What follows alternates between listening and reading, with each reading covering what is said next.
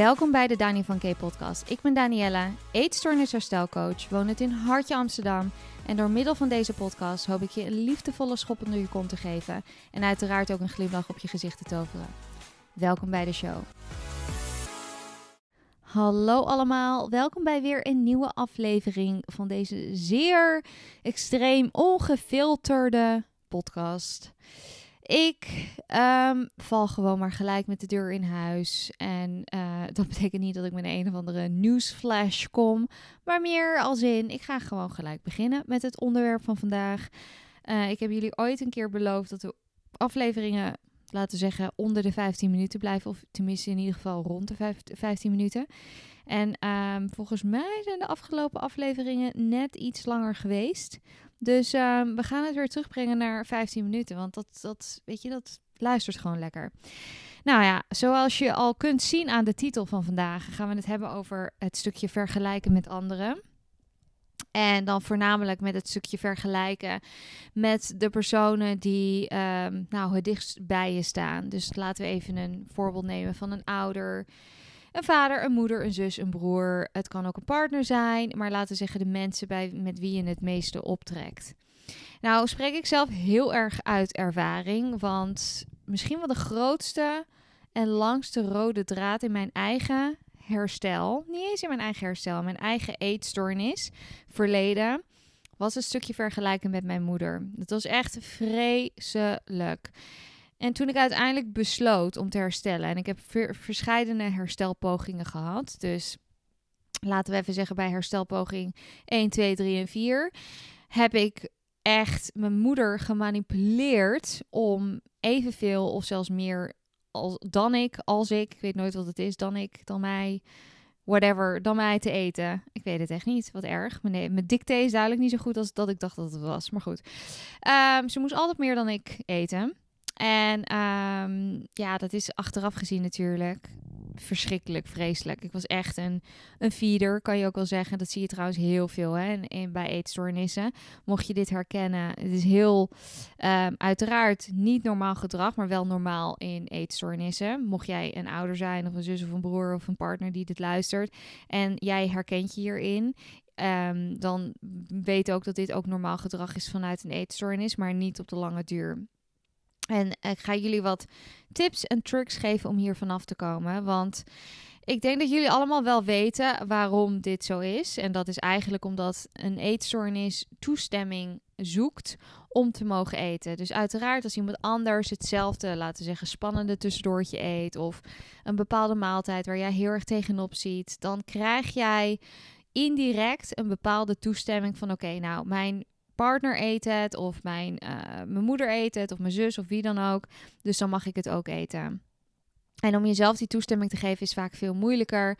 En ook het stukje vergelijken, wat er natuurlijk ook bij komt van, oh god, nou, maar dan eet ik meer dan die persoon. Als het ook bijvoorbeeld gaat om, laten we even zeggen, een zus die, laten, nou ja, dat jullie bijvoorbeeld dezelfde leeftijd zijn. Um, en dat, dat je heel erg de angst hebt van oké, ik eet meer dan haar. En dat kan dus ook betekenen dat ik veel sneller aankom. Ik krijg meer calorieën binnen. Dan ben ik slechter dan haar. Noem het maar op. Het kan allerlei, kunnen allerlei overtuigingen naar boven komen. Maar over het algemeen is het zo dat een, een eigenlijk een eetstoornis zich superieur voelt en ook wilt voelen. En daardoor het gevoel heeft. Het is eigenlijk een soort van aan de ene kant een soort van high, zeg ik altijd. En aan de andere kant een soort van geruststelling. En die high is een soort van samensmelting van die geruststelling. Een soort van. Dat. Van als jij minder eet dan een andere persoon, dan voel jij. Dat gevoel. En ik denk dat heel veel van jullie dit herkennen, dit gevoel herkennen. En nogmaals, ik spreek uit ervaring, helaas. Want dit was een ding wat heel, heel, heel lang een ding was. Um, en wat ik ook veel te lang heb door laten sudderen, achteraf gezien. En er was op het, op het moment dat ik een therapeut tegenover me had, mijn moeder en ik, die zei: Joh, um, zie je niet dat jij je dochter aan het enablen bent, of eigenlijk het, het probleem in stand houdt? En dat je de eetstoornis, no pun intended, aan het voeden bent door elke keer weer mee te gaan in het stukje. Op het punt mocht mijn moeder zelfs niet eens meer van mij sporten, zo erg was het. En elke keer dat zij weer meeging in mijn um, gedragingen en overtuigingen en in mijn eigenlijk dwang van oké, jij moet met mij die tompoes eten of jij moet met mij. Weet je, op een gegeven moment mijn moeder die zat net als ik elke week aan de tompoesen, omdat zij zoiets had van ja, anders eten aan het niet. En uit wanhoop en uit um, frustratie en ook uit angst gaan ouders, zussen, broers, partners op een gegeven moment gewoon mee eten. Omdat ze weten, A, ik heb geen zin in die confrontatie. En B, ik ben kapot. En C, ik ben als ze dood dat ik dat niet doe, dat deze persoon waar ik zoveel van hou, stopt met eten. En dat is natuurlijk een bepaalde mate van manipulatie als je er goed over nadenkt. Waar jij natuurlijk op de lange termijn ook echt niet gelukkig van wordt. Want je wordt continu afhankelijk van wat een ander persoon eet. Dus dat is ook niet normaal natuurlijk. Ik bedoel, je, je bent uiteindelijk afhankelijk van jezelf. En je bent ook verantwoordelijk voor jezelf. Je hebt uiteindelijk ook alleen maar jezelf. En als jij continu afhankelijk bent van wat een ander persoon eet. En daar je eigen eten op gaat afstemmen. Geloof mij, dat is één grote gevangenis.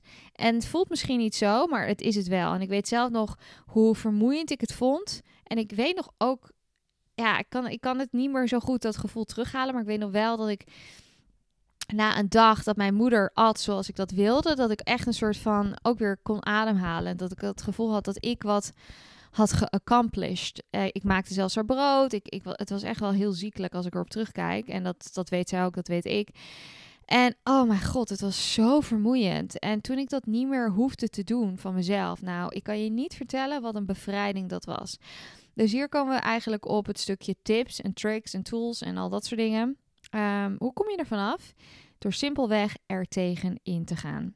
Het is, zoals ik altijd, altijd zeg, het is allemaal geen rocket science. Je praat niet over quantum physics. Het is niets ingewikkelds in die zin kijk, de stappen richting herstel zijn vrij simpel, maar de emoties die je teweeg brengt zijn wel lastig en moeilijk. Dus dat, dat is eigenlijk ook altijd wat ik zeg. Recovery is simple, but it's not easy. Dus de stappen richting herstel zijn vrij simpel als je die opvolgt. Ieder, kan, ieder persoon kan dat eigenlijk doen.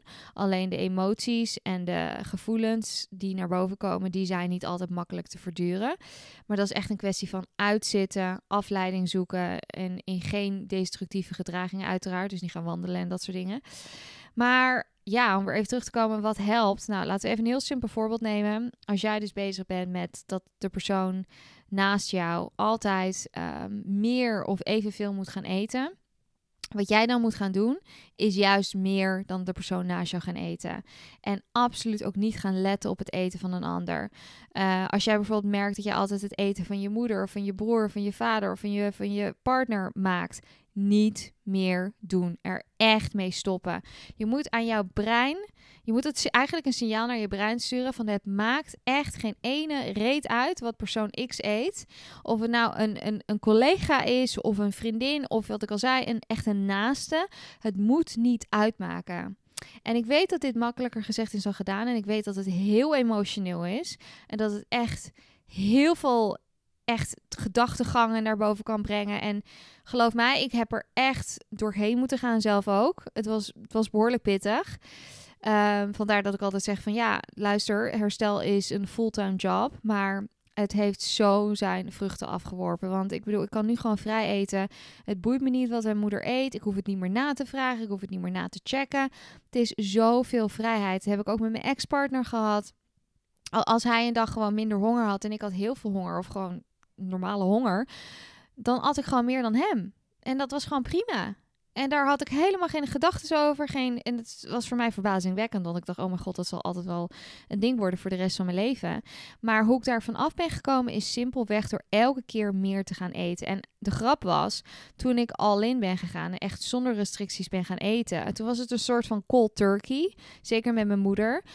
Omdat mijn moeder was zo gewend zelfs dat ik altijd eten voor haar maakte en altijd in de keuken stond en altijd aan het koken was. Dat ze echt zoiets eh, had van, Daan, waarom maak je niks voor mij? En ik was zo alleen maar met mezelf bezig. Eigenlijk, eigenlijk achteraf gezien op een egoïstische manier, maar dat was heel goed juist. En ik moest dat juist ook op die manier doen. Dat ik echt tegen mijn moeder zei, mam, je moet echt voor jezelf gaan zorgen nu. Je hebt you have to fend for yourself. En dit was ook destijds dat mijn moeder bij me introk en met de lime en allerlei dat soort dingen.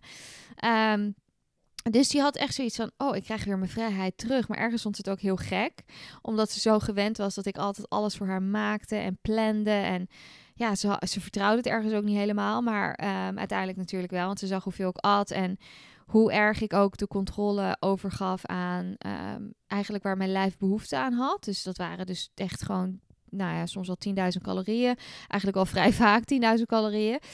En omdat, omdat ik continu tegen mijn brein zei van oké, het is oké om zoveel te eten, had het totaal geen zin meer. Had mijn brein totaal geen, het had geen nut meer om een um, gedachte naar mijn hoofd te, nou ja, te signalen, wilde ik zeggen, te, te slingeren. Van hey, moet je niet eens gaan vergelijken met je moeder? Want je moeder die eet nu um, weet ik veel, drie boterhammen en jij eet er nu, uh, nou ja, ook, ook drie. Dus daar moet je wel een beetje op letten. Nee, omdat ik, bij wijze van spreken, tien boterhammen, nou soms echt wel tien boterhammen met de lunch at. Dus mijn brein dacht, ja, het heeft totaal geen zin meer om daarmee te vergelijken. Want waar ver, het is echt appels en peren vergelijken. Het slaat helemaal nergens op. Dus voor mij was het echt een beetje een cold turkey afkicken daarvan. En dat heeft voor mij heel goed gewerkt. Dat ik zoveel meer at dan haar, was het echt een soort van, oké, whatever.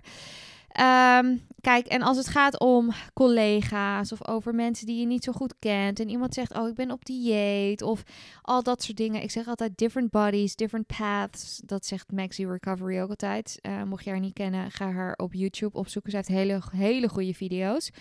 Dat, dat, zij heet dus Maxi Recovery. Ze is al Brits, dus als je Engels niet goed is, dan heeft het niet zoveel zin.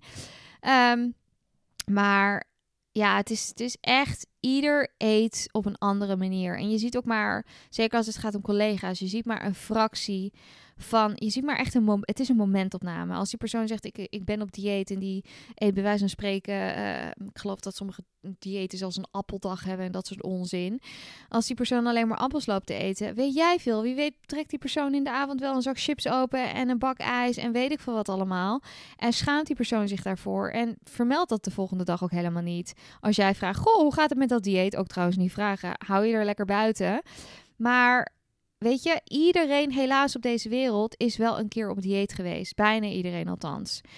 Dus probeer je daar echt afstandelijk te houden. En um, dat ook te onderscheiden van jij bent in herstel of jij hebt een genetische predispositie voor een eetstoornis. Je kan ook niet vergelijken dat, laten we zeggen, dat ik aan, de, aan, de aan een eettafel zit met een ex-alcoholist. En ik drink een wijntje. Ik heb vandaag toevallig één wijntje op. Nou, die tikt helemaal niet aan, want ik wilde ook deze podcast nog opnemen. Dus, maar dat was omdat mijn moeder jarig is vandaag. Dus, uh, nou, ik wilde zeggen gefeliciteerd mama, maar ze luistert dit helemaal niet. Tenminste, sommige podcasts wel, maar deze misschien, misschien luistert ze deze wel, who knows. Um, maar ja, ik, ik kan met een ex-alcoholist aan tafel zitten die denkt... Jezus, die Dani kan gewoon maar een wijntje drinken. Wat oneerlijk. Ja, dat begrijp ik. Dat begrijp ik. Maar dat betekent dat je dan nooit meer in de maatschappij kan meedraaien. Omdat ja, alcohol drinken ook natuurlijk gewoon um, geaccepteerd, sociaal geaccepteerd is. Helaas is diëten inmiddels ook sociaal geaccepteerd. Alleen weten mensen inmiddels ook dat eetstoornissen ook gewoon bestaan. Dus dat wordt gelukkig inmiddels ook geaccepteerd. Uh, wat ik eigenlijk zou doen als het gaat om uh, vergelijken. Kijk, mocht je iemand in je omgeving hebben die extreem aan het diëten is, altijd al. En jij weet gewoon dat dat voor jou een trigger is. En die persoon is ook niet heel, heel belangrijk in jouw leven. Dan zou ik zeggen, hou daar wat afstand van. En mocht die persoon het continu over diëten hebben, geef dan ook daar je grenzen in aan. Verander het onderwerp. Of nou ja, neem gewoon echt letterlijk fysieke afstand en emotionele afstand. Mocht dat niet kunnen, aangezien het bijvoorbeeld een ouder is waar je bij woont of inwoont dan zou ik zeggen, ja, dan moet je echt je eigen plan blijven trekken en denk aan je toekomst en waar je het voor doet en waarom je wilt herstellen. Maar simpelweg om er echt vanaf te komen van het vergelijken is om continu opposite actions, om meer te gaan eten dan de persoon die naast je zit eigenlijk, of die bij je is. En uh, ja, wat ik al zei, opposite actions is eigenlijk de, de manier hoe jij dus nieuwe verbindingen gaat aanleggen in je hersenen, hoe je je hersenen gaat herbedraden. En dat is eigenlijk de enige manier. En dit, dit, onderwerp komt natuurlijk continu terug, opposite actions. En opposite actions betekent eigenlijk het tegenovergestelde doen van wat je eetstoornis wilt. Dus alleen opposite actions bekt wat lekkerder. Dus uh, dat is het eigenlijk bij deze. Ik hoop dat deze podcastaflevering jullie enigszins heeft geholpen. En ik zie jullie hier weer volgende week. Doei! Hey there my friend, dankjewel voor het luisteren. Mocht je dit een fijne, herkenbare of leerzame aflevering vinden, vergeet dit dan niet te delen met een vriend, een vriendin, je moeder, je vader, je opa, je oma, je hond, je glazenwasser, maakt niet uit wie dan ook. En laat vooral een rating en een review achter. Tot de volgende.